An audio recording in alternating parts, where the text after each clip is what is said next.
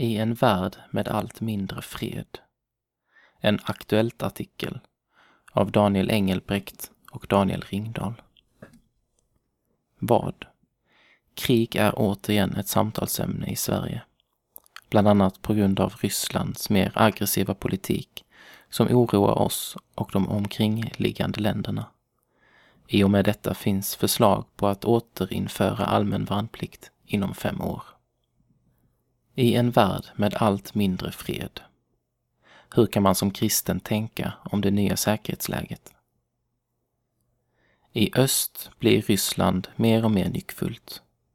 De genomför militära närmanden men nästlar sig också in i våra sociala medier och försöker sprida falsk information. Samtidigt lever vi i skuggan av risken för framtida terrorattacker och återinförande av värnplikt står också på agendan. Vad säger Bibeln om detta? Är det något vi kan förvänta oss? Eller vad är det som händer? Världen är i konstant förändring. För 25 år sedan var framtiden ljus. Berlinmuren var riven och Sovjetunionen hade fallit. Demokrati, frihet och marknadsekonomi var på väg framåt över stora delar av världen. År 2010 avskaffades den allmänna värnplikten i Sverige, det vill säga förpliktelsen att tjänstgöra i armén, något som blev liksom höjdpunkten på denna ljusa framtidssaga. Framtidssagan, just en saga. Men med den 11 september 2001 började samtidigt en ny rörelse. Islamistisk terrorism letade sig in i västvärlden. USA invaderade Afghanistan och sedan Irak. Terroristattacker skedde i London och Madrid. Vi drabbades av den värsta finanskrisen sedan 1930-talet. Den arabiska våren övergick snart i vinter och i Syrien råder fortfarande yttersta misär på grund av krig. Islamiska staten har flyttat fram positionerna för islamistisk terror och i öst har Rysslands president Putin långsamt men otvetydigt börjat utöva makt som i Sovjetunionens dagar. Kriget i Georgien 2008 och det orättfärdiga övertagandet av Krim 2014 är tydliga exempel på hans aggressiva politik. Rysslands ökade militära närvaro. För Sverige har Rysslands politik betydelse. Östersjöområdet spelar stor militärstrategisk roll och Gotland är en viktig geopolitisk plats. Därför är det oroväckande att ryska plan vid flera tillfällen har flugit otillåtet i svenskt luftrum. Och i oktober kunde medier rapportera om att ryska marinfartyg tog sig in i Östersjön. Fartygen är byggda för att kunna bära kärnvapen med räckvidd över hela södra Sverige och den svenska försvarsmakten har placerat en fast trupp på Gotland. Det senaste året har politiker diskuterat möjligheten att återinföra allmän värnplikt och det ser ut att kunna bli verklighet inom fem år. Dessutom talas det allt mer om huruvida Sverige borde gå med i militäralliansen NATO eller inte. Facebook, det nya slagfältet. Parallellt med detta ser vi hur en ny form av krigsföring växer fram. Det handlar om att snedvrida information och att påverka människors uppfattningar genom att så ut lögner i sociala medier.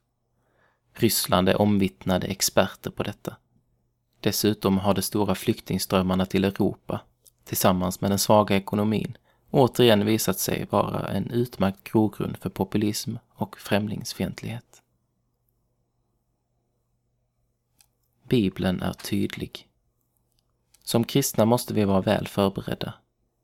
Gud har inte lovat oss att ett fredsrike ska upprättas på jorden före det att Jesus återvänder. Guds ord säger tydligt att våld och hot om krig ska föregå den sista tiden. Jesus förklarar dessutom i Matteus 24, 25 att svåra förföljelser ska drabba de troende och den förföljelse, nej, utrotning av kristna som vi ser i Mellanöstern är sannerligen värd vår gråt och förbön. Armétjänst något för en kristen? Ska en kristen svara på kallelsen till armén om värnplikten återigen blir allmän? Ja, Absolut.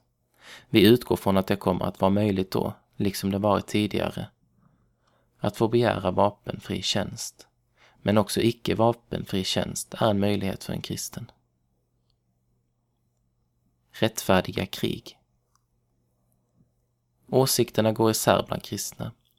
Men den traditionella ståndpunkten i kristenheten, med stöd i kyrkofäderna Augustinus och, och Thomas av Aquino, har alltid varit att det finns krig som en kristen kan ställa upp i. Det kallas för rättfärdiga krig. Det tydligaste tillfället då man kan förklara ett krig rättfärdigt är när ett land blir orättfärdigt attackerat av en fiende.